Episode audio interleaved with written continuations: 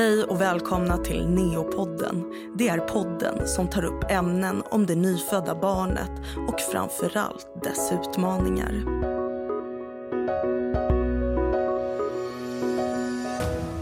Idag tänkte vi prata om några ovanliga men allvarliga tarmsjukdomar som drabbar främst för tidigt födda barn. Vi kommer att förklara närmare om NEC, SIP, volvulus och septisk paralys.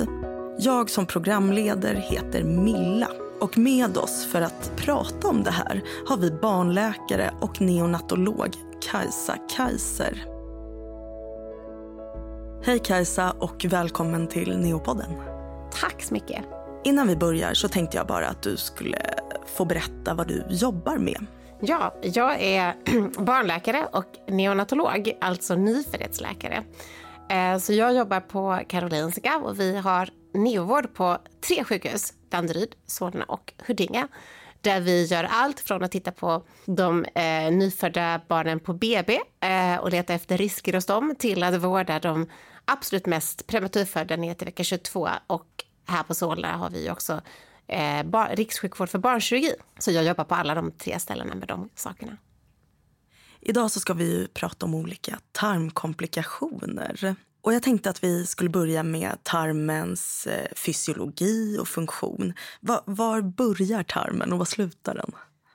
Ja, utan att gå in för mycket i detalj så är det ju så att maten man eh, får in den i munnen, bebisar tuggar ju inte maten utan den liksom sväljes ner och vi ger dem ju maten direkt med en sond. Och den där sonden, för att bara gå uppifrån och ner, den har vi ju eh, dragit in i näsan. Eh, och sen har den fått åka genom hela matstrupen, esofagus, ner till eh, magsäcken. Eh, ventrikeln. Och där ligger den. Så att när vi matar en bebis, eller en prematur bebis framför allt, så, så hamnar, har ju maten liksom hoppat två steg, alltså mun och eh, matstrupe. Så sen går den vidare från, eh, magsäcken har ju två munnar, två liksom, eh, kan snörpa till sig både uppåt och neråt. Så den är som en påse med två, eh, två ingångar, eller en ingång och en utgång egentligen. Och den går vidare till tolvfingertarmen, duodenum. Den heter så för att den är ungefär 12 fingerbreddar lång. Och den går sen över i tunntarmen och tunntarmen har eh, olika delar. Eh, jejunum, duodenum och ilium. Och tunntarmens funktion, tunntarmen är ju superviktig för att det är i tunntarmen som all näring liksom ska tas upp. Så att både på väg ner så tillsätts det en massa ämnen och väskor och liksom som ska göra att man kan spjälka maten och ta upp den och sen ska, ska den liksom sugas upp och även vätskan ska sugas upp. På en vuxen är det faktiskt till slut, eh, det handlar om många litrar som vätska som liksom passerar tunntarmen hela tiden. Sen går maten vidare till, eller ja, vad vi ska kalla det, tarminnehållet, vidare till tjocktarmen. Och där framförallt så sugs liksom vätskan tillbaka och där, där blir det liksom sakta men säkert mer liksom börjar det likna bajs helt enkelt. Det börjar bli tjockare, tjockare eller hård, vad heter det? Kompakt. Fastare, kompaktare. Och sen går det vidare ner till eh, ändtarmen och, och sen blir det liksom till rektum som ju egentligen bara är precis innanför för anus där man liksom bajsar ut igen. Mm. Och hur lång är tarmen? Ja, men den är ju olika lång. Det, man, det finns lite, dels är det så här att tarmen har liksom en, vad vi kallar tonus. Alltså den, den är liksom lite, har en slags egen eh, spänning för den är ju full av muskulatur. Eh, alltså många sådana här har man ju mest när man är ute obduktioner och då är ju tarmen längre. På en vuxen så säger man att eh, säger man att tunntarmen är mellan så att, jag tror 3,5 och 5 meter eh, och att eh, tjocktarmen är mellan 1 och en och en halv ungefär. Men på en nyfödd eh, bebis så handlar det om att den hos en fullgången är ungefär 3 meter, så plus minus en och en halv meter kanske. Och på våra prematurer är de mer en och en halv meter. Men då pratar man om hela tarmen, eller tror jag att de menar, inte, även liksom tjocktarmen. Vi är väldigt fokuserade på hur lång tunntarmen är när vi liksom börjar fundera över hur mycket tarm har bebisen när vi senare i programmet kommer fram till vad som händer när man tar bort lite. Mm. Men den är olika lång, men den växer liksom så att eh, eh, vare sig man ligger i eller utanför magen, alltså mammans mage då, nu blir det mycket magar, i eller utanför livmodern så växer tarmen till. Och prematurfödda då, har de känsligare tarm än nyfödda födda i fullgången tid? Vi fokuserar ju här i podden så mycket på prematurer.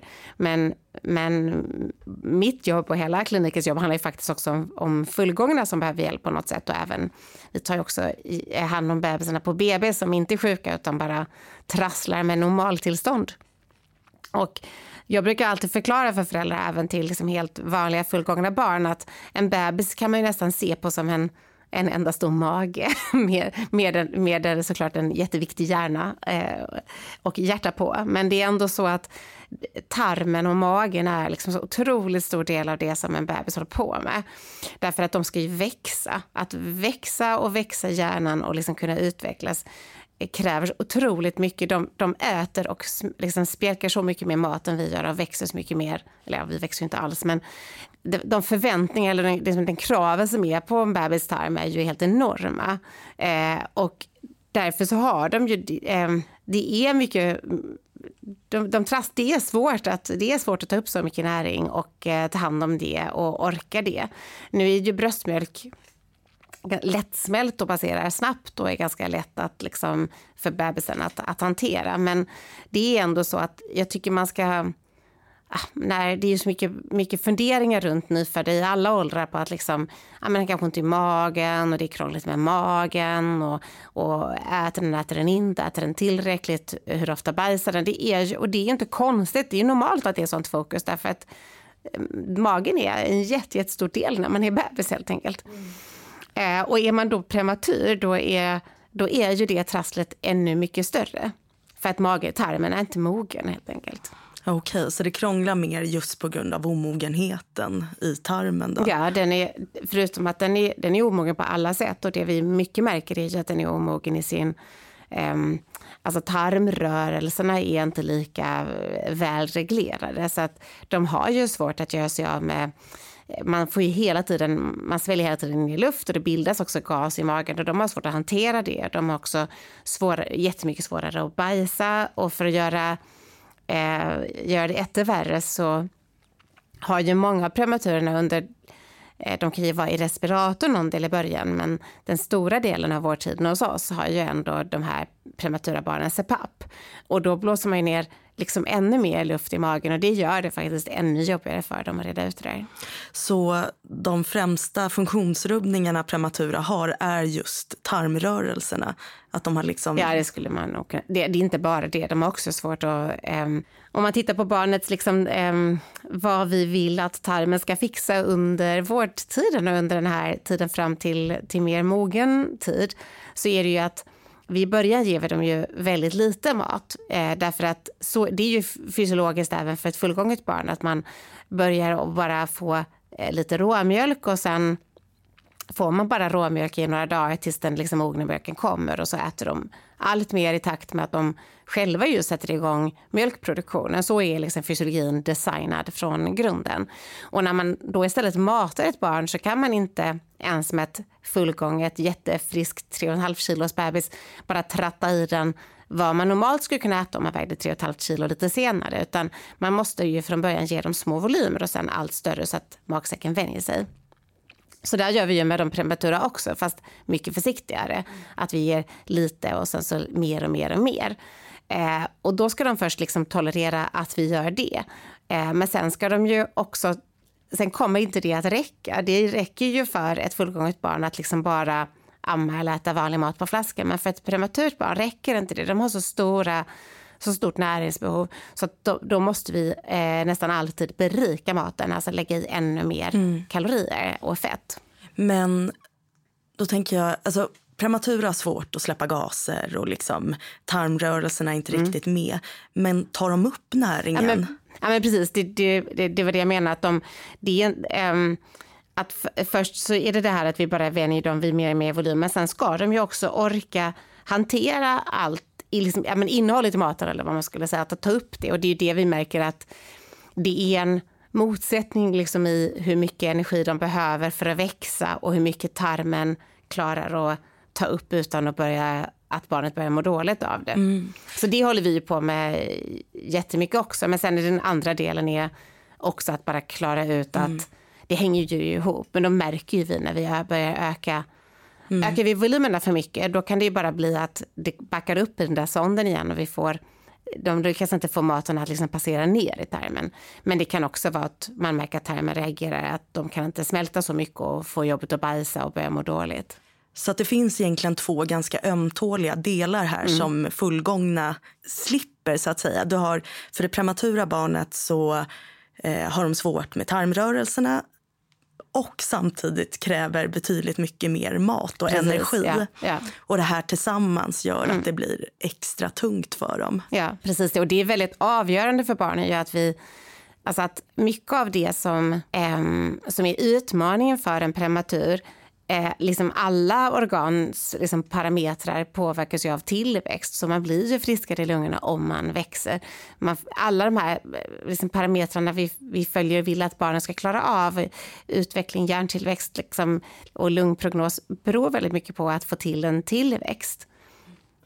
Ja, då förstår jag också att det är ganska mycket fokus på just magen. Det är mycket som kan ställa till det samtidigt som de behöver den här näringen för att allt annat mm. också ska fungera. Sen, ja, precis. Och sen är det också att de, hela, allting sitter liksom ihop. Så att när de, eh, om de får väldigt jobbigt med sin mage, vi, de är ju ofta eh, alla som har sett en, en extrem prematur i någon fas vet att de ser ju, de har ju jättestora bulliga magar just för att de inte riktigt kan hantera framförallt gasen. Så att de har ju liksom som ett litet tryck från buken hela tiden och när det blir extra jobbigt med magen då, då börjar det ju yttra sig också som att de inte riktigt orkar andas eller att de, de jobbar så hårt med att bajsa att de inte också orkar andas precis då. Så att det är ju, de kan ju liksom skendö av att bajsa. Så det gör ju man ju inte i någon annan fas i livet. Liksom. Men har det med blodtrycksfall att göra? Jag tänker som det är på eh, äldre, på äldreboenden. De nästan skendör de med. Ja, det, har, det har jag helt missat. Eh, jag tror bara att de hela, eh, det handlar ju mycket om autonom reglering och så, men det, det är ändå att de är de mår nog inte så mycket bättre än vad deras mage mår. Mm. Och i magen stor så trycker det upp. Det trycker mot... ju upp lungorna, ja. Mm. Det är mycket man kan säga att om man liksom, när som helst kikar in på en sal på neonatalen och, och liksom vad diskuteras och vad, vad rapporteras och vad säger föräldrarna och då kan man säga att mage utgör en otroligt stor del av allt vi sysslar med. Och det är inte för att barn, barnen är sjuka då, utan det är bara ett normaltillstånd för en extremprematur att, att det är jobbigt att få till det där med mat och bajs. Mm. Men om nu CPAPen, alltså andningsunderstödet, den puffar ju inte bara ner luft till lungorna utan det hamnar även i magen, vilket ungarna har svårt mm. att liksom bli av mm. med. Kan man då inte tänka sig att man bara lägger alla barn i respirator?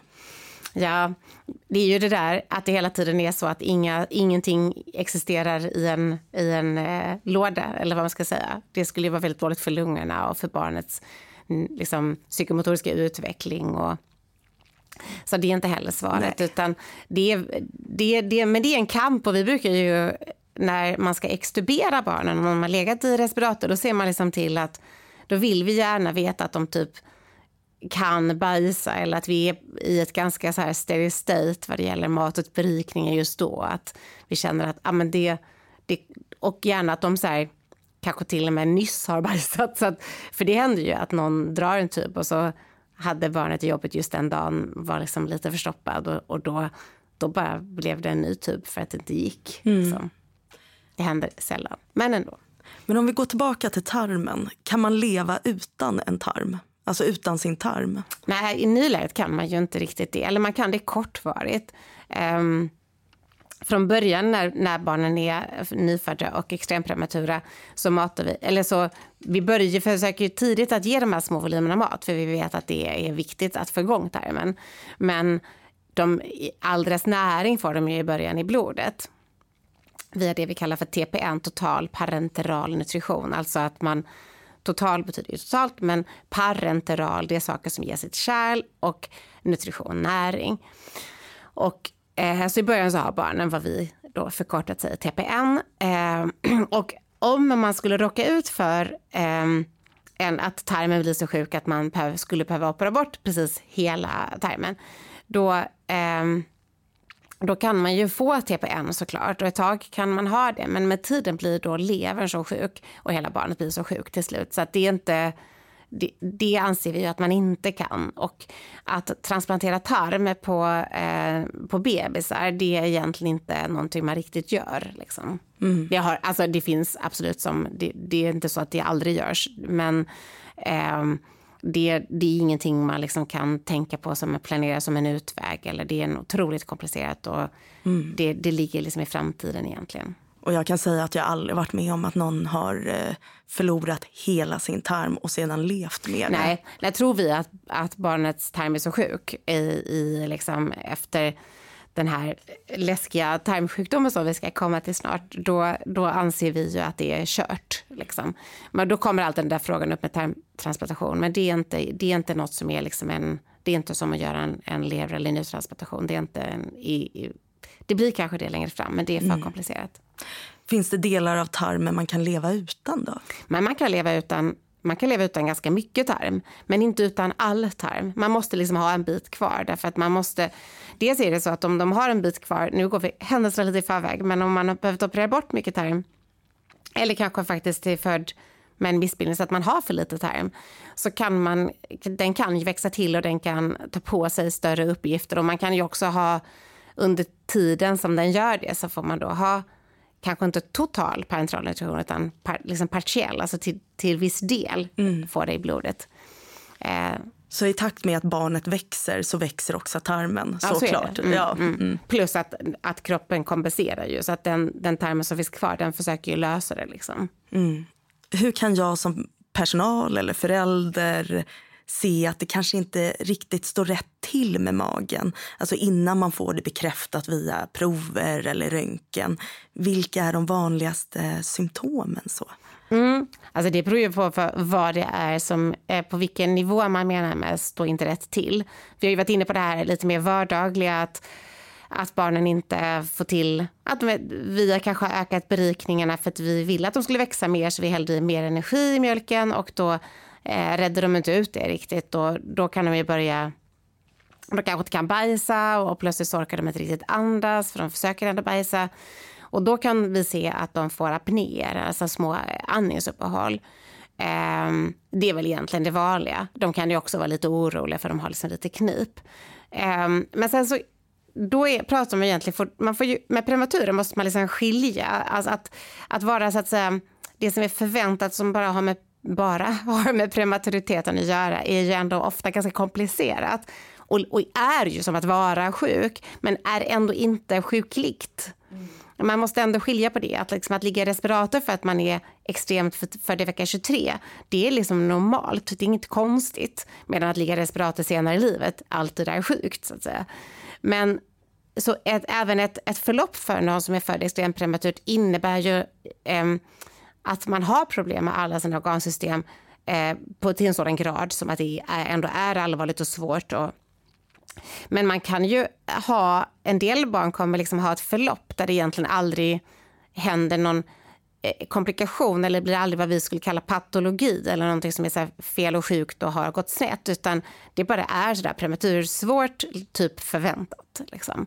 Men sen så kan de ju drabbas av komplikationer till sin prematuritet. Och det kan man på sätt och vis säga att det är också normalt för en prematur för det är så pass vanligt så att det ingår liksom i, i det förväntade förloppet till väldigt stor del. Men det är ändå en komplikation som man också skulle kunna ha sluppit.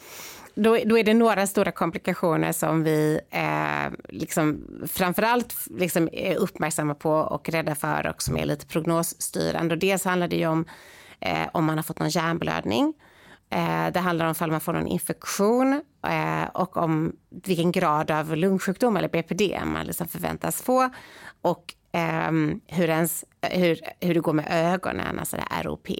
Sen på längre sikt tittar vi såklart mycket på, den, på liksom barnens eh, neurologiska utveckling men, och kognitiva utveckling. Men, men liksom i, under IVA-vården så handlar det ändå mycket om Fick barnet en hjärnblödning? Fick den någon infektion? Vad fick den för komplikationer? Och då, då är det en av de mest fruktade handlar just om magen och det kallas eh, NEC i dagligt tal och det eh, står egentligen för nekrotiserande enterokolit. Eh, och det betyder egentligen översatt att eh, tarmen eh, tarmen får en inflammation så att tarmslemhinnan kan dö. Jag, jag, måste bara fråga, för du nämnde det här med hjärnblödning och eh, ögonen och sådär. Påverkar det tarmen eller tvärtom? Eller var det bara någonting man tittade efter under Jaha, IVA? Nej, jag menade så här att, att, man, att det kan i alla fall filosofiskt spela... Att man får ändå, jag tycker det är viktigt att hålla isär att, um, när, att, att barnen behöver andningsstöd, att de behöver sond, att de Ehm, att det liksom är eh, trassligt och jobbigt och det är CPAP och det är svårt att bära. Mycket av de här sakerna är ju tillhör prematuriteten i sig. Det är liksom normalt för någon född i vecka 23, 24, 25 att vara på det sättet och kräva hjälp på det sättet. Men sen kan man därutöver drabbas av komplikationer och då är det ju lite mer som att man har fått en slags sjukdom. Att det är en skillnad liksom mellan det, det friska förväntade men komplicerade i att vara extremprematur eller det att man dessutom drabbades av en infektion. Det är ju inte givet att man ska få en infektion för att man är pre, liksom, prematurt född. Och alla prematurer får ju inte en hjärnblödning även om vi inte alltid vet varför de får det heller. Men medan till exempel och alla, en meddel av alla extremprematurer har en öppetstående duktus men det är inte alla som får en liksom, problem med sin duktus. Så att det där att det liksom tillkommer ett problem, en komplikation, då är det några stora komplikationer som vi fokuserar på därför att det är det som är de stora problemen och det är det som kan göra att det går dåligt. Och vad det gäller magen är det just näck och den är vi väldigt liksom den är vi ju väldigt uppmärksamma på därför att den är eh, farlig för bebisen mm. helt enkelt. Och jag tänker vi kan ju faktiskt eh, fortsätta att prata om näck. Vi ska ju mm. även eh, så småningom prata om SIP, mm. volvulus och paralytisk tarm. Men vi börjar med näck. Mm. Eh, och då började du förklara lite, men kan du inte berätta mer om näck och hur det uppkommer då? Mm. Man kan säga så här att problemet är att eh, alla organ är ju omogna och liksom har olika, kan då liksom, som vi pratade om, hamna lite snett i den här liksom, i de här utmaningarna som det är för kroppen att, att den är prematur men ska leva nu utanför livmodern. Ett, en, en av de här liksom, komplikationerna som kan ske heter då NEC eller nekrotiserande enterokolit och det betyder egentligen att man får en inflammation i tarmen, i tarmslemhinnan som gör att den också kan dö i sina delar. Och eh, det här är vi väldigt rädda för därför att Eh, Eh, det är ganska svårt att, du var inne på hur märker man att någonting är fel med bebisens mage. Och då är det så att det här eh, kan smyga sig på och kan bli väldigt snabbt bli väldigt farligt. Eh, och alla barn drabbas inte lika mycket, men, men liksom det här worst case scenario, då kan det gå så snabbt så att barnet faktiskt kan dö av det innan vi hinner göra någonting åt det. Eller vi kan göra något åt det och liksom i processen så, så dör de ändå eller får komplikationer. Så att det här är en av våra... Det är liksom lite som ett, ett eh, vad ska man säga, det är spö, ett spöke på neo. På något sätt går alla runt och är lite rädda för det här. Första dagarna är vi ju rädda för att barnen ska få hjärnblödningar. Men sen brukar vi ändå inte vara så jätterädda för alla saker längre. Men det där med näck, det kommer man liksom inte riktigt ifrån. Och dels är det lurigt därför att drabba barnen, liksom ju prematurare de är desto senare sätter det in. Så det kan vara en period när vi tycker att det har gått ganska bra. Det var lite stökigt första dagarna, barnen är nu stabilare, vi har kunnat extubera, vi ser papp, de, det verkar gå ganska bra med maten och ja, man märker liksom att alla eh, och kanske framförallt föräldrarna andas ut lite grann och känner att ja, men, eh, det rullar ändå. Mm. Även om det kanske inte är lätt. Eh, och då blir barnet sjukt och då märker man, ehm, man kan det är ju så här med kroppen, inte bara för prematurer, att den har ju inte hur många sätt att signalera sjukdom på som helst. Som att feber kan betyda tusen olika saker. Och prematurer brukar signalera att de inte mår bra genom att eh, göra andningsuppehåll, vara lite bleka, få lite bradikardier. De svajar som vi säger. Eh, och det är inte självklart liksom, vad det beror på. Det kan bero på så många olika saker. Men ofta tänker vi kanske lite infektion när de beter sig sådär. Och sen så kan de också ha vad vi säger retentioner eller fula retentioner.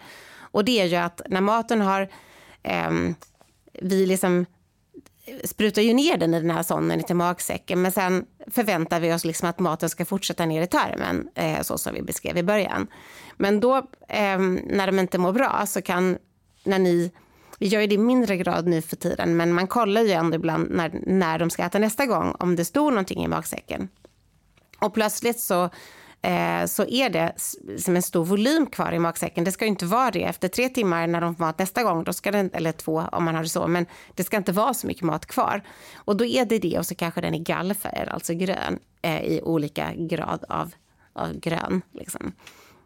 Och då någonstans där så börjar vi dra öronen åt oss och tänka att det kanske ändå är någonting med magen. Eh, men det är svårt i det läget att veta liksom att det faktiskt är det. För det kan också bara vara att de eh, antingen att de bara inte mådde bra, att de var bara eh, tjall på magen den dagen. Liksom. Eller ibland ser det att de har fått en infektion istället, en vanlig en sepsis. Men ibland så är det inte det, ibland är det faktiskt näck. Och man kan också se att magen är spänd, men det är också svårt därför att som vi sa innan, speciellt i CPAP som barnen ofta är i vid det här laget, så är ju buken stor. På en extremt prematur CPAP har ju en stor och lite trummig mage. Men man kan se ibland att den får fulare färg, eh, att magen liksom ser lite, antingen lite röd eller lite blå ut, lite kärltecknad. Också jättesvårt för att de mest prematura barnen är ju nästan genomskinliga och man kan höra lite tystare tarmljud. Men när vi blir sådär lite misstänksamma på magen, då brukar vi ju stoppa maten, tillfälligt i alla fall, och röntga, eh, ta en vanlig röntgen på magen och ta blodprover. Gör det här ont för barnet, tror man? Eh, jag tror det gör ont, ja. Mm. Mm. Du nämnde bradykardier. Vad, vad är det? Eh, att, behöver inte alls vara magen, men när mm. prematurer inte är happy med livet så, så sjunker de i hjärtfrekvens och det kallas en bradykardi. Alltså en ja, brad, brady, Cardi ja. betyder egentligen mm. bara att det går långsamt. Så om ens barn börjar få lite andningsuppehåll, pulsen går ner lite, eh, bleka, trötta, magen lite svullen och sen det här med lite grönfärgade retentioner, alltså maginnehåll, så ska man dra öronen till sig lite. Precis. Mm. Och det gör ju vi. Och eh, det är nästan så, så att det kan bli ett problem ibland på andra hållet. För vissa barn är ju, det här vi pratade om från början, här skillnaden mot den trassliga prematurmagen som inte egentligen är sjuk så är det ju en del barn som är, har ännu mer, alltså de, de är ju olika. Dels har, är de, äm, en del barn har liksom alltid lite mer jobbigt med sin mage och någon annan lite mer jobbigt med sina lungor och någon tredje med sin duktus. De har lite olika svaga punkter och sen har de också mycket på grund av hur graviditeten har varit och eh, liksom de faktorer de kom till livet med så har de ju, en del barn har ju krångligare med allt. Det finns liksom inte någon rättvisa precis. Men, men en del barn har, misstänker vi liksom lite hela tiden att det ska vara någonting på gång för att de har ofta jobbigt med sin mage och ofta får retentioner och de barnen kan ju drabbas av att vi flera gånger gör så där att vi stoppar maten, tar en röntgen, hmm, hmm, så här, mm. tar prover eh, och sen sätter igång maten igen. Du nämnde att det var ett lite smygande förlopp och att mm. det sen kan gå ganska fort. Mm. Men vad är fort? Hur snabbt kan det gå från att man har ett friskt barn eller mm. man tänker sig att, eller vill säga att barnet är alldeles nyfött till att det blir en, en näck? Så, så kan man inte riktigt säga därför att det är inte så att alltså näck, eh, näck på extremprematurer brukar inte drabba det alldeles nyfödda barnet. Utan de brukar vara några veckor gamla. Men, och sen så är det också så att um, Alltså det är olika helt enkelt. De har olika, eh, liksom, olika gånger verkar sjukdomen ha olika snabbt förlopp. Problemet för oss är att vi inte kan, eh, vi har inget bra sätt att säga det, nu är det på gång och det är det här det är. Och det är så säkert det här det är att det är värt att operera om det är det som liksom, det kommer landa i att man behövde göra. Det, det är liksom, det är en, I början är diagnosen svår att ställa för det syns inte så mycket. Eh, det blir inte konklusivt. Man kanske tar prover och ser att då, då, då ändrar sig proverna lite som vid en infektion. Man får lite CEP, man får lite sjunkande blodplättar, trombocyter. Eh, men, eh, och kanske lite stegrad mjölksyra, laktat. Men det är ändå så här, ja, proverna är lite påverkade men inte katastrofalt. Så då kan man fortfarande inte säga att det inte bara är en vanlig sepsis. Och sen tar man en röntgen och, och det är inte så ovanligt att prematurerna har lite knasiga grejer när man tittar på röntgen. Att det till exempel är väldigt vida tarmslyngor eller att eh, det är väl det vi oftast ser, att vissa delar av tarmen är jättevida och så tänker man som att det är, som att det är en massa luft som har fastnat. Eh, och så är, undrar man om det här är första bilderna av någonting som kommer progrediera till en värre bild. För att det som på röntgen skulle kunna säga, jo men det här är en näck, då har det gått så långt så att Tarmslemhinnan har blivit inflammerad och det har blivit små luftbubblor i, i tarmväggen. Eller också så har det till och med har tarmväggen blivit så inflammerad att den har dött och gått sönder på sina ställen så att det kommit ut, det är ju luft i tarmarna men det ska inte vara luft i bukhålan. Tarmarna ligger ju liksom i en bukhåla som det liksom är, ska vara lite vätska i men i princip ingen, inte mycket vätska och ingen luft. Eh, och blir det hål på tarmen så kommer det både ut luft men det kommer också ut bakterier från avföringen och då blir man jätte, jättesjuk. Så ser man att det är på röntgen kan man se det ganska tydligt om det är luft ute i bukhålan eller luft i tarmväggen. Men när det är det, då är ju barnet redan jättesjukt. Mm. Då hade man ju önskat att man hade liksom opererat en stund tidigare. Mm. Så att det svåra är att vi inte har någon bra det är en del av varför vi är så rädda för det, det är att vi inte har någon bra markör. Vi har liksom inget så prov vi kan ta, nej, men då, när det här stiger då är det alltid detta. Så därför är det också svårt att veta vad, när började det? Alltså vi, mm, det går, därför är det väldigt svårt att svara på frågan hur långt det tar det från att de börjar vara kinkiga till att det liksom de verkligen är sjuka. För det är ju nästan som att vi lite bestämmer när de är för sjuka. Och det är inte alls alla barn heller som behöver opereras. Nej. Och jag kan verkligen förstå att det är svårt det här just för att de har alltid lite kall på tarmen. Det är alltid lite problem med magen och när tippar över till att bli sjukligt. Mm. så. Sen är det ehm. också så att det finns um, du nämnde innan uh, volvolus och det, det betyder att tarmen har trasslat ihop, den är tvinnad tarmen eh, hänger egentligen upp, den liksom har ett, eh, en, upphängningsanordning i buken så att tarmarna ligger liksom inte helt fritt och kan flyga runt hur de vill i magen utan de, de ligger liksom i en, eh, de På ligger liksom plats. sorterade. Ja. Ja. Men, Men man, kan bara, ha, man kan ha så, så att den inte är tillräckligt upphängd. Eh, antingen att man är född med att den är felplacerad eller att den bara på prematurer är lite mer rörlig än annars. Och då kan de få att tarmen liksom ja, helt enkelt tvinnar sig om sig själv och, stryp, och då stryps cirkulationen av. Och ibland när vi tänker att vi har, det har vi också ibland svårt att skilja på det insjuknandet och, och näckinsjuknandet. Och de blir ju mycket snabbare egentligen sjuka än vad en näck blir. Men det är inte alltid man vet. Men kanske inte är man själv som har skött barnet hela vägen. Och vi i Stockholm får ju hit barn från andra sjukhus också och har inte själva följt liksom, debuten riktigt. Mm. Eh, jag tänkte att vi, vi kan gå in på volvulus, men jag tänkte bara ställa några till frågor mm. om näck. Eh, det är om risken sjunker med stigande ålder och då både vid födsel, alltså att man är, eh, föds i senare vecka eh, men också efter ett visst antal veckor utanför livmodern. Förstår jag tänker? Mm, När... Ja, alltså det ska man säga så här att Eh, det frågade du inte egentligen, men eh, risken att få näck är omvänt proportionerlig mot gestation. Det vill säga att ju omognare barnet är när den föds, ju högre risk har den att få näck. Och det är inte heller linjärt, det vill säga det är inte så att risken är precis liksom dubbelt så hög vid eh, en viss ökad ålder, utan den, är, den går ju böjd så att risken är väldigt mycket högre i de lägsta veckorna eh, än vad den är sen. Och sen vet vi också, men det kan drabba även fullgångna barn. Så det kan liksom drabba alla nyfödda egentligen, fast det blir så mycket mer osannolikt på äldre barn. Eh, och stora barn som får det, mogna barn som får det, då, då är det större koppling till eh, asyxi, alltså att man har utsatts för syrebrist under graviditet eller förlossning, eh, eller till hjärtsjukdom som också har inneburit dålig syreförsörjning till tarmen. Och sen så verkar det vara så också att eh, alltså ju prematurare man är, ju senare efter födseln får man sin näck. Så att de, de mognare barnen kan få det ganska kort, efter kanske bara någon vecka eller två. Medan de mer prematura kanske snarare får det efter så tre, fyra veckor. Så, men de kan faktiskt få det under hela sin liksom under hela, ända upp till fullgången och kanske därefter också. Men det blir ju mer och mer osannolikt. Okay. Och sen ser vi ju faktiskt barn som får det igen. Det är riktigt orättvist. Men, men så kan det också vara. Så att man, det, det är liksom världens pissigaste sjukdom för att man, eh, det, den är en av de mest förödande diagnoserna för prematurer, eller komplikationerna att få. Den står liksom för en stor del av dödligheten hos prematurer.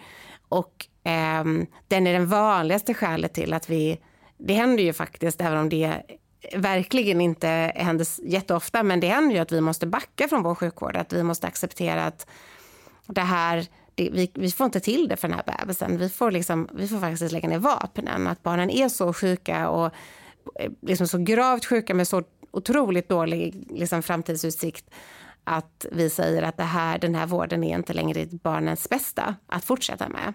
Mm. Det vill säga det som vi kallar att man liksom, eh, begränsar eller avslutar liksom, sin intensivvård.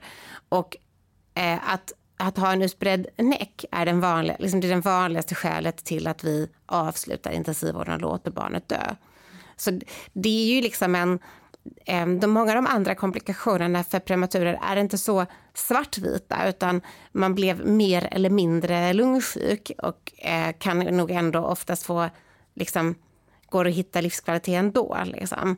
Men det där med, och näck finns också, det har också en grad, men, men, men det kan verkligen drabba sådär och förändra hela bilden för barnet. Alltså får man en ordentlig, får barnet verkligen en, en riktig liksom näck som kräver kirurgi där vi tar bort ganska mycket tarm, då har vi liksom gått in på ett helt nytt spår. Det, det är väl därför vi är så rädda för det i kombination med att vi inte är säkra på att vi fångar det när det börjar och att vi aldrig riktigt känner oss helt fria för risken. Mm. De, att vi tycker att barnen har kommit så långt att vi känner att ja, men nu har vi seglat förbi många grund liksom, och sen så liksom, vi tycker att men den där bebisen går det bra för och så pang liksom, så kom det. Så att, jag tror att det är mycket av skäl, liksom, det går, finns inga garantier med den där eh, komplikationen helt enkelt. Eh, det låter ju ganska läskigt så. Och, och då undrar jag direkt, men hur vanligt är det? Alltså, det kan ju inte vara alla barn på neo som mer eller mindre får näck. Ja, alltså det, det, det, det är så himla gestationsberoende så att det är lite svårt att ge en siffra. Det är ju inte jättevanligt. Eh, men ner i de lägsta, alltså riktigt, men när vi säger de lägsta gestationerna, då menar vi ju så 22, 23, 24. Det är ju egentligen där vi har stora, större problem med det. Det, och det är väldigt olika siffror också för att det skiljer sig både mellan länder och mellan, alltså mellan städer. Så det är liksom olika frekvenser i olika delar i Sverige. Eh, och det är olika frekvenser i olika stationer. Eh, och i olika länder har man ju, har, satsar man ju på prematurer också i olika gestationer och får därför olika siffror. Men liksom att det ändå handlar om några och upp till 10 procent. Det är sådana siffror man ser, men då menar man av extremprematurer. Men det, det, blir en jättekonstig siffra att använda. Liksom. Och det är ju inte, jag menar, de flesta får ju, det är ju verkligen inte så att eh, att en majoritet, alltså det är ju en liten andel av alla våra barn som får det, men sen blir ju de barnen de får en betydligt förlängd sjukvårdsperiod. Liksom, för att um, det vanligaste är ju ändå att vi antingen inte opererar dem, det, den, majoriteten klarar sig med antibiotika och fasta och sen läker de faktiskt ut det.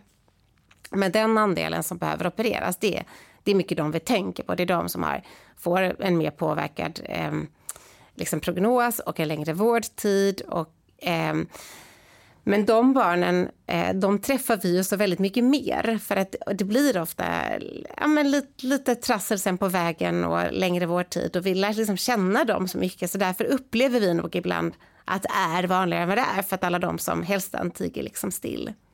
Ja, och det är även min upplevelse att eh, de är få, men vi mm. märker av dem. Mm. Om vi nu går in på volvolus. Mm.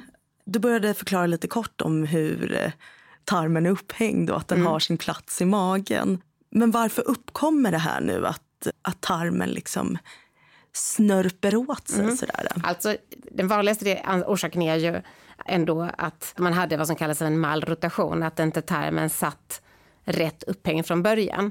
Eh, men det finns också eh, liksom icke malrotationsvolvolus, alltså att det var inte någon, den var inte fel starrad från början. Den har ändå bara snott ihop sig. Och den risken är liksom ökad hos nyfödda men den är ännu mer ökad hos prematurer. Sen har man funderat på, eh, man har pratat ibland om att det skulle kunna finnas en, liksom, en valvula som beror på att man har eh, gjort för mycket manövrar med buken. Att man liksom har masserat för mycket eller hållit på med ah, men, Bengympa? Ja, eller? mycket med gympa. Framförallt massage med gympa men också mycket det vi kallar pipa eller att man ger mycket lavemang. Alltså att man ibland stoppar, får vi stoppa ni upp en liten slang för att hjälpa barnet att, att prutta helt enkelt. Just på grund av det vi sa från början. Att det absolut vanligaste problemet är ju bara att de inte får till det här med bajs och gas utan att det är sjukt. Men, men det där, alltså huruvida det är så eller inte är så, det är ju omtvistat.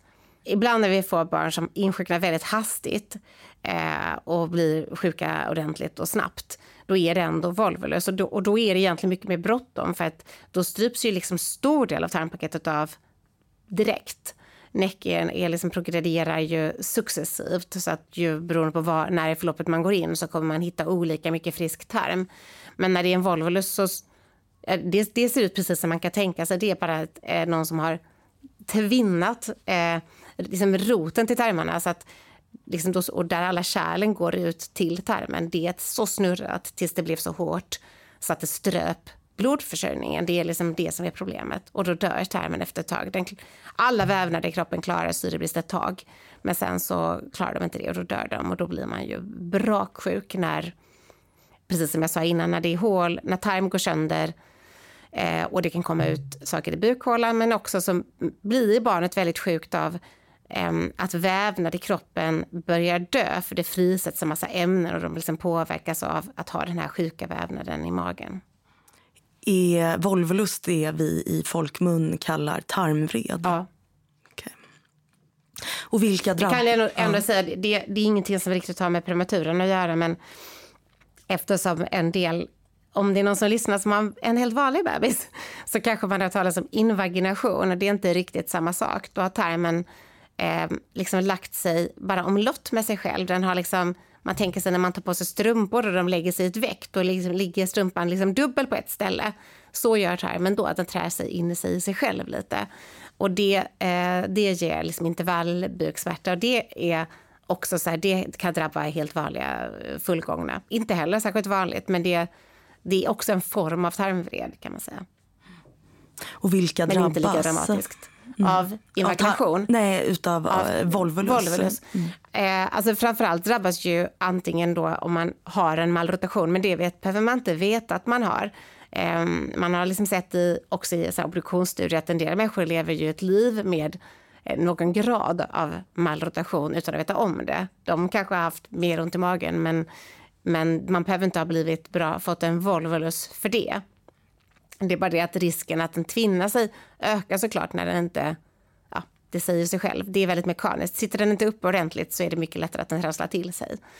Eh, så att dels att man har den förutsättningen, att man har en malrotation. Men, men hos, hos bebisarna eller prematurerna så ser vi ju också volvulus av ingen, liksom, eh, ingen tydligt skäl överhuvudtaget. Antagligen är ju, är ju allting lite mjukare och inte färdigmognat i sin, eh, i sin uppsortering heller.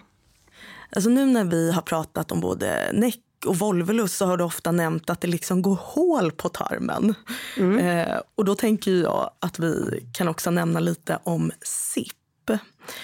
Eh, och SIP står ju för, nu kommer min engelska här, Spontaneous Intestinal Perforation. Mm. Yes. Kan du förklara SIP? Nu har ju vi kort sagt att det går hål, men mm. kan du på något sätt berätta lite mer kring det. Ja, men jag kan berätta att det, det nästan konstigaste med SIP, det är ju att vi typ blir lite glada när vi hittar en SIP.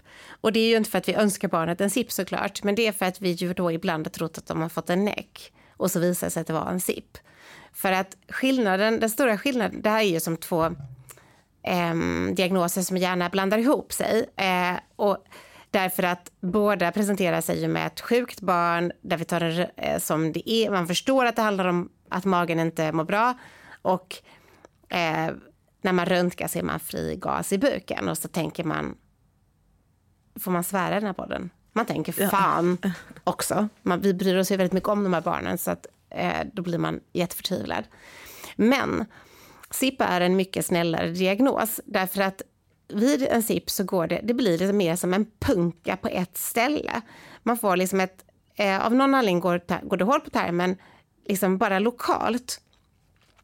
Man har inte liksom en inflammation i tarmen. Alltså problemet med näck är att stora delar av tarmen drabbas av en inflammation som barnen blir först sjuka av inflammationen och sen börjar den liksom gå i det vi kallar nekros. Det är egentligen att cellerna dör och då och vävnaden dör och, då blir man ännu sjukare av det. Och då har man problemet med att man har ett, ett organ som i stora delar är jättesjukt eh, och hela, hela kroppen påverkas av att ha först inflammation och sen nekros. Det frisätts en massa ämnen och det påverkar hela barnet och blodtryck och de blir jättedåliga. Men vid en SIP, det är ju mer som att man har fått punka på sitt cykeldäck. Det är faktiskt hål precis där.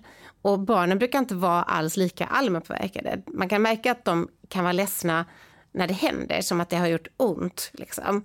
Eh, och det är ju farligt såklart att ha, ha det här hålet därför att de får all den här fria gasen i bukhålan och kan bli väldigt instabila. Det kan bli svårt med andningen och så. Och vi måste absolut operera.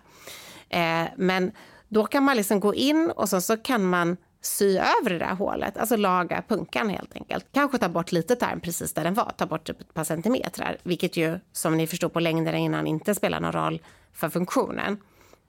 Och sen brukar de tillfriskna.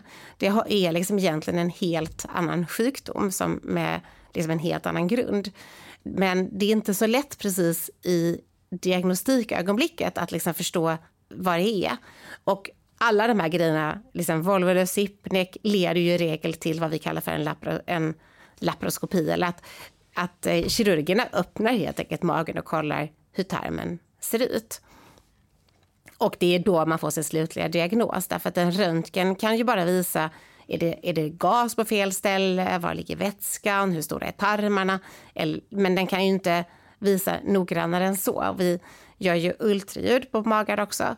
Um, och då kan man också få ganska många clues, men det är inte så lätt att få till ultraljud alltid. Och det är inte heller liksom bensäkert att det man ser är det man kommer se när man öppnar magen. Man kan förstå att om tarmen går lite i nekros, att det sedan blir ett hål. Men hur kan det bara spontant bli ett hål? Jag vet faktiskt inte det. Jag, jag tror inte att man riktigt vet varför det blir så plötsligt. Mm. Och det kräver alltid operation? Man kan inte ja, bara... det kräver alltid okay. operation. Mm. Så det kan inte självläka och alltså. Det, det, är nog inte helt sant. Vi har ju haft barn där vi har sagt att um, det är ju så att, att det är en väldigt speciell specialitet, neonatologi, för att den utvecklas otroligt snabbt. Så att um, all medicin utvecklas snabbt såklart i alla specialiteter, men vi har ju med de sista decennierna Eh, Eh, förändrat, har ju vårt landskap förändrats väldigt mycket för att vi har kunnat satsa på allt eh, mer prematura barn. Mycket tack vare att vi till exempel kom på att man skulle ge surfaktant, eh, så här lugn, lungmognads lungöppnande medicin och att vi kom på att man skulle ge kortison till mammorna innan förlossningen eh, och så vidare. Så har, har ju liksom hela panoramat förändrats väldigt, väldigt snabbt. Och eh, därför är det inte liksom så blir det så att för, nästan för varje år som går så, så pushar vi ju neråt. Nu, liksom både, eller inte varje år pushar vi inte vilken gräns vi satsar på. Vi är ner på 22 plus 0. Men vi pushar lite panoramat för vad vi tycker är att vi ska satsa på. Eh, och för inte så länge sedan så kunde vi ju tycka att de allra mest prematura barnen skulle vi inte operera magen på alls. Utan fick man liksom en ett, en bukkatastrof när man var född i vecka 22-23 så var vi tveksamma till att lägga barnet på ett operationsbord överhuvudtaget. Och då kan man ju se att en del av de barnen har ändå läkt sin, vi visste att det var ett hål, men de har ändå läkt det. Så att liksom beroende på hur sjuk man är och eh, liksom hur det såg ut precis i det ögonblicket, hur mycket tarminnehåll som spreds ut i bukhålan, hur väl man klarade den inflammationen, hur Alltså, det, det är klart att hålet liksom, kroppen är ju fenomenal på att läka saker men det, det, handlar ju lite om hur sjuk blev man på vägen och hur, hur läkte den det. Mm. Vare sig vi opererar eller inte opererar, en näck till exempel, så är det inte så ovanligt att barnet efteråt eh, får liksom Alltså när kroppen läker saker så läker den ju ofta saker med någon form av R eller vad man ska säga. Och ett, ett knep kroppen har då det är att dra ihop det där den skulle läka. Det, det kan man ju se när man får ett litet sår, att det ser ut som en en liten stjärna runt eh, såret för hur liksom, kroppen eller huden har dratt ihop sig. för att liksom snabbare täppa till. Och när den liksom läker även tarmen så blir det ofta tajt där röret blir bara smalare precis vid läkningspunkten. Så att visst, man, visst, kan, visst kan det hända att barnet kan reda ut det, men generellt, eh, också för att SIP är faktiskt lite vanligare hos något mognare extremprematurer, så eh, där vi har all anledning att tro att barnet har en bra prognos. Så att det är ju inte så att vi skulle hitta en SIP på ett sånt barn och säga att vi inte ska operera. Då ska det vara något annat såklart, ja. exceptionellt. Du har nämnt lite inflammation i tarmen och sådär. Och då tänkte jag att vi bara kort kan nämna något om septisk paralys. Mm. Vad är en septisk paralys? Ja, det, det, man kan egentligen säga att det är relevant utifrån perspektivet att det är svårt att säga att barnet har en näck och inte någonting annat. Därför att i många sammanhang är ju kroppen superkomplex och eh, jättedistinkt i vad den berättar för oss. Men när vi ska tolka en nyfödd, vare sig den är prematur eller inte, då är det ändå så att det finns ett språk med ett begränsat antal ord på något sätt. Och eh, när, nyfödd, eh, när en prematur insjuknar i eh, alltså början av en sepsis eller en näck är jättesvårt att skilja åt. Det börjar liksom med att de, blir, de känns lite vissna. Personalen berättar, det är alltid sjuksköterskorna eller föräldrarna som ställer den diagnosen. Att de är, ja, men han känns lite tröttare än vanligt, vi tycker han har svajat lite mer. Och då ska man komma ihåg att med en extremprematur sover ju typ nästan jämt och svajar också nästan jämt och har nästan jämt en stor mage och gör nästan jämt andningsuppehåll när de bajsar. Så det, det är inte så att det liksom kommer från en allt var frid och fröjd och sen händer detta, utan det är mer känsla av att ja, men, nog lite tröttare än vanligt, lite eh, slakare i kroppen än vanligt och så har de här bradikerierna och andningsuppehållen, att, att de liksom svajar i sin, sin styrfunktion. De orkar inte upprätthålla jämn hög eh, puls, blodtryck och andning. Eh, och sen så liksom att magen blir lite stor, eh, smälter inte innan maten, får lite retentioner. Ni berättar att ja, men nu, ja, men han äter ju så här många milliliter men nu var retentionen var nästan dubbelt så stor som det han hade fått. Och, eh, och så vidare. Då kan inte jag riktigt veta om det är början på en näck eller början på en sepsis. Eh, och det, dels beror det på att de första, och sen så kanske CRP var 20 och trombocyterna hade fallit lite grann det är helt omöjligt att veta. Ja, just det. Och det är markörer just för en infektion, alltså det är blodförgiftning. Alla, form, alla mm. former av eh, liksom, ja. bakteriella infektioner brukar bete sig så. Ju. Men det är jättesvårt att veta, för det är nämligen så att ha, vid en del, eller många, nästan alla skulle jag tro, liksom, eh, blodförgiftningar eller sepsis som vi kallar det, alltså när man har en bakterieinfektion som har spridit sig till blodbanan, då stannar gärna tarmen upp. Alltså, det gör den ju på människor alla möjliga sjukdomstillstånd. Att tarmen är ju ganska känslig för hur, hur vi mår och vi är känsliga för hur den mår. Så att när man är sjuk och speciellt då vid en sepsis så stannar liksom tarmen och då får man ju också ungefär samma symptom. Eh, alltså en, en, stor mage som inte rör på sig, där det låter lite tyst. Röntgar man så ser man liksom vida tarmslyngor och vet inte om detta är så som bilden såg ut och nästa bild eller nästnästa för då tar vi nämligen regelbundna röntgenbilder när det är sådär. Om det då kommer vi plötsligt se de här små gasbubblorna och veta att nej, attans, nu är det bråttom som tusen att operera.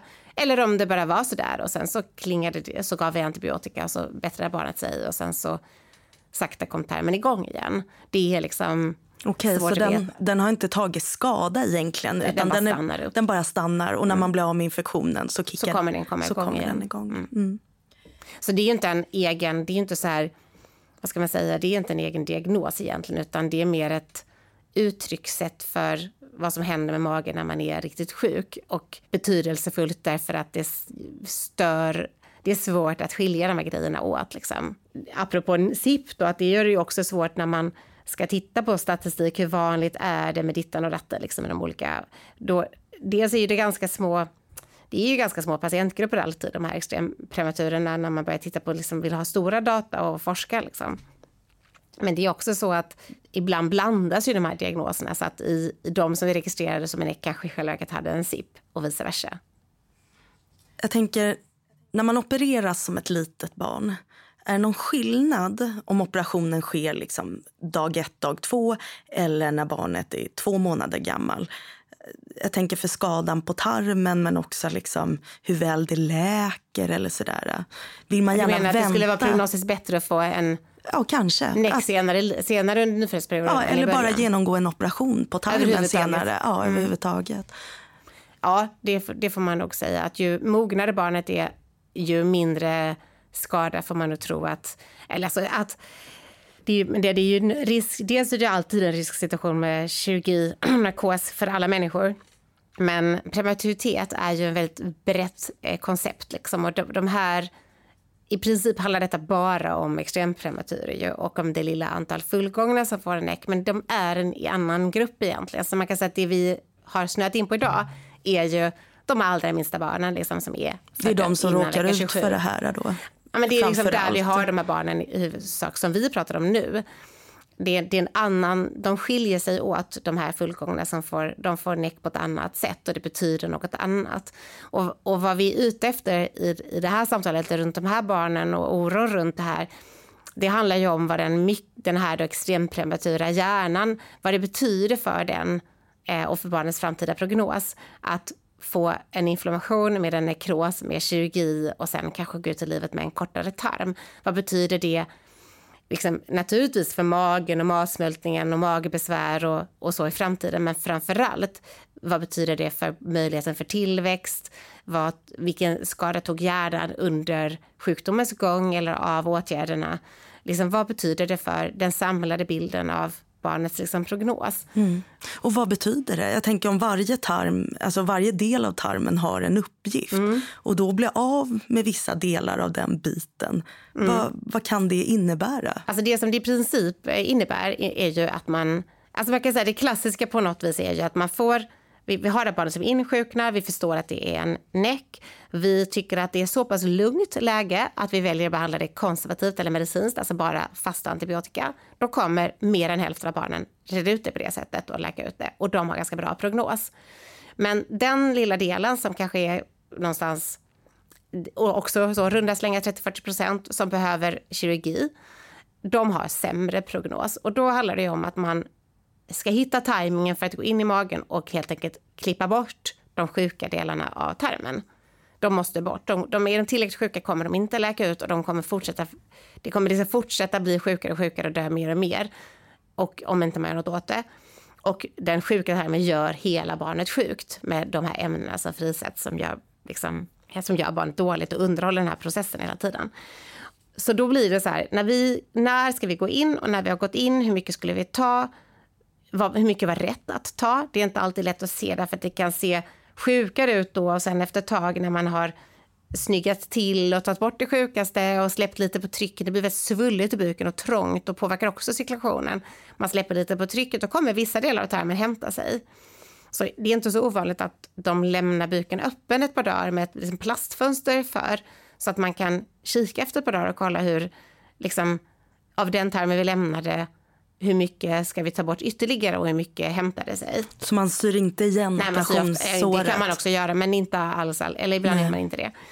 Och sen kommer det liksom handla om, det ska barnet såklart liksom klara de här operationerna, den här behandlingen. Det, det gör de ju ändå oftast. Eh, men sen blir ju frågan egentligen helt krasst, hur mycket tarm tar vi bort och hur mycket tarm finns kvar? Det är ganska svårt att mäta tarm. Men man måste liksom ändå ha eh, ett, ett, några decimetrar kvar för att kunna på sikt få en tillväxt och liksom ett näringsupptag som är så okej att man liksom reder ut sin tillväxt och sin lever och blir liksom tillräckligt frisk. Även om många av dem, eller några av de här barnen kommer behöva stöd av näring i blodet i ett par år, men många kommer liksom med tiden ändå reda ut det och inte behöva ha eh, näring i blodet. Så man har egentligen inte svaret förrän barnet kanske är några år Nej, gammal? nej. Alltså till viss del har vi ju svaret i, i, den, i den första perioden för att vi märker ju att många barn ändå att vi sakta, sakta kan vi ge mer mat och sakta, sakta kan vi ge mindre i blodet och ofta klarar vi ändå av att skriva, de flesta skrivs faktiskt hem med att de äter fullt. Men det är ett litet gäng som inte gör det som, och då får man det som kallas för det som är short bowel eller kort tarmsyndrom. Att man har en för kort tarm för att helt klara växa på det. Och, men den kan ändå sen kompensera och sen minskar också pressen på den när man inte ska växa lika snabbt längre. Och efterhand så kommer ändå många eh, meddelanden av de barnen också komma ur den här intravenösa näringen. Vet man huruvida mat och matupptrappning och berikningar kan orsaka alternativt eh, förvärra vissa tarmkomplikationer? Du nämnde fasta, att de här barnen får ofta fasta. Mm. Är det för att vila tarmen eller är det för att det är maten som har ställt till det liksom lite? Ja, alltså när de väl är sjuka så handlar det om både att vila tarmen som då är jättesjuk men också för att det ju när som helst eh, kan gå hål och då får man ju ut mat i bukhålan och blir katastrofalt sjuk. Det är ännu ett problem. Man kan väl säga så här att det här med näck det är frustrerande på många sätt. En sak som är frustrerande är ju att när vi som jag sa innan räddar allt mindre barn och får dem att överleva allt högre grad så skulle man kunna tänka så här att ja, men det går rätt bra nu, vi är bra på det här. Men vi har inte lyckats få dem friskare egentligen. Utan komplikationerna kvarstår. Faktum är att vissa komplikationer såsom NEC ökar och det är ju för att vi idag eh, räddar och, eh, till överlevnad liksom mindre och sjukare barn än vad vi gjorde, alltså omognade barn framförallt än vad vi gjorde innan. Men det, vi har liksom inte riktigt fått eh, och då har vi blivit bättre på vissa saker. Vi har blivit lite bättre på liksom, lung-outcome, vi har blivit lite bättre på ögon. Men vi har inte blivit bättre på att behandla näck och inte heller så mycket bättre på att upptäcka det. Det är liksom en, en frustrerande diagnos för att vi vet inte riktigt varför man får det. Alltså vi vet ju delar av det såklart, men man vet inte så exakt vem får det. Av, av alla de här barnen som är lika små och lika, har lika mycket andra riskfaktorer varför fick liksom det här barnet och inte det här barnet? Det har vi inte fått kläm på.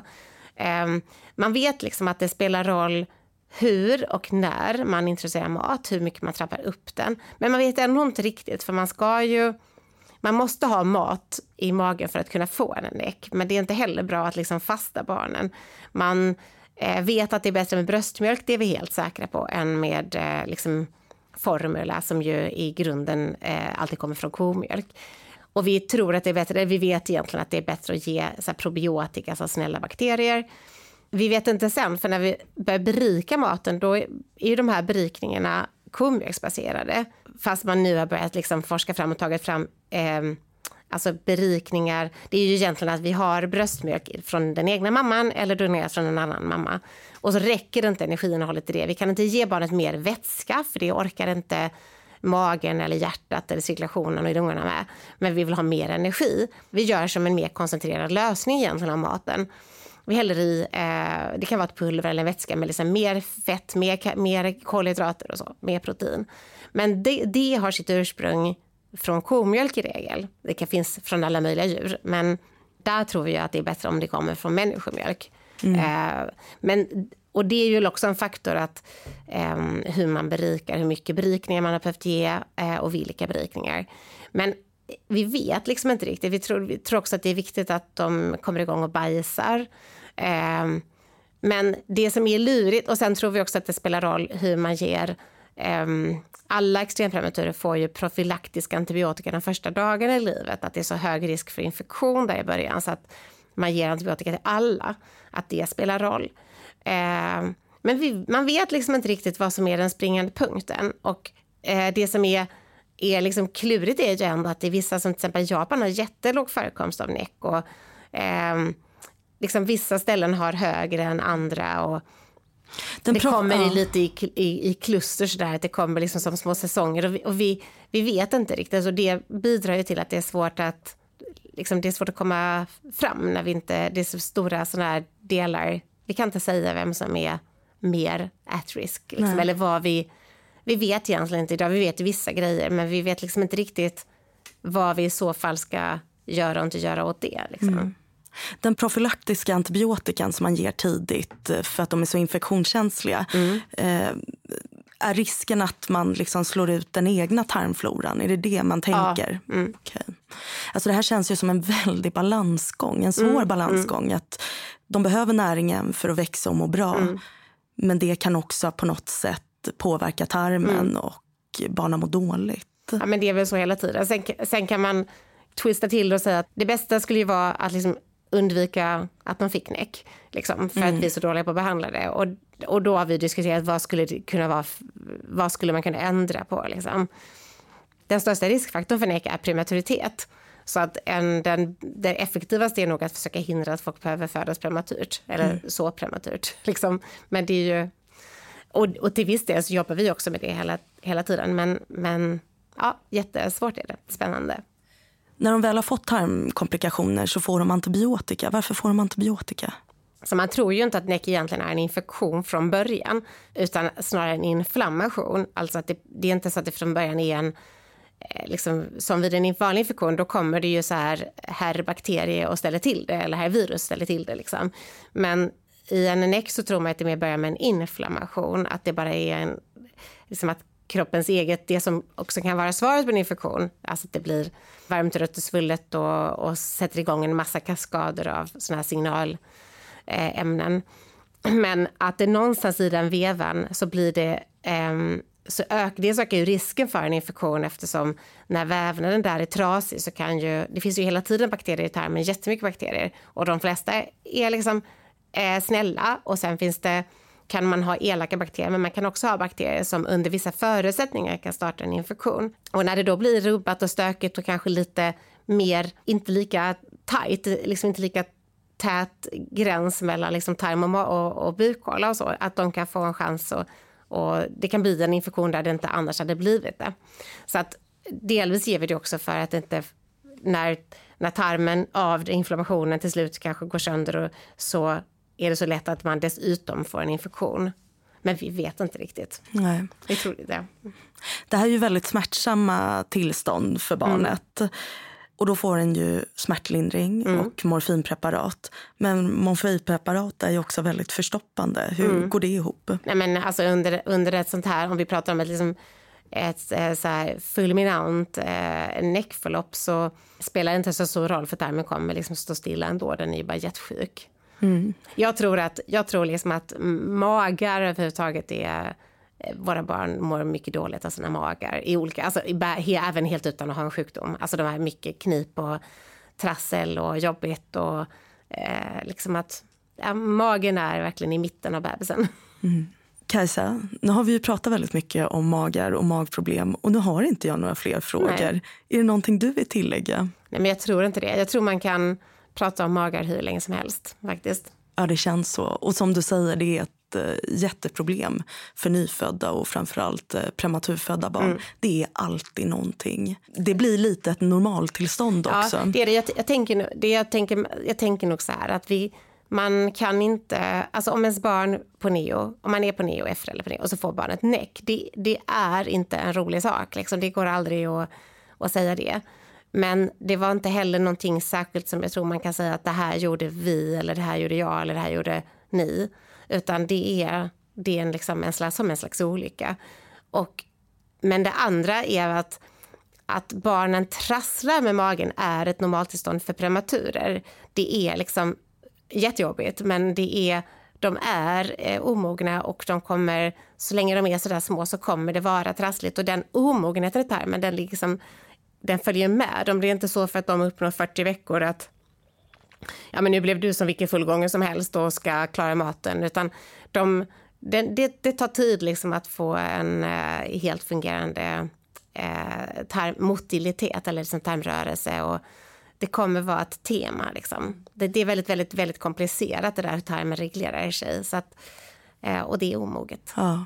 Och jag tror också att det är väldigt viktigt det du sa, att liksom poängtera att det inte är någons fel. För att ibland så möter man ju föräldrar som säger ja men gud och jag gav ju den mat och jag måste ha förstått och varför förstod jag inte mm. och, och, och, nu förstår jag att mitt barn hade så ont och så vidare.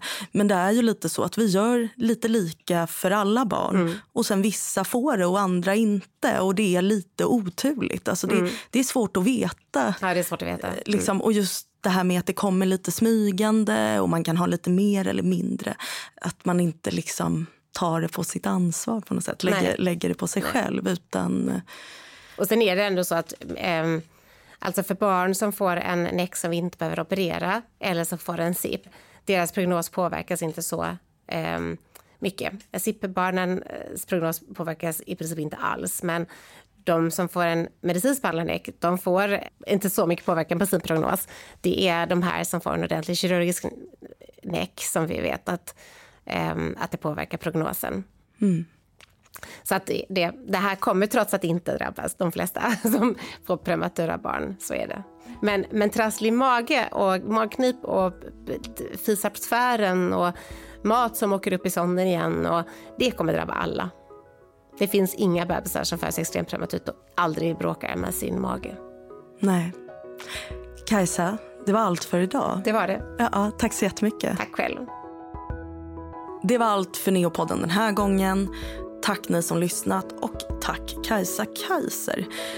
Är det så att ni vill veta mer om neonatologi, följ oss gärna på våra sociala medier. Tack.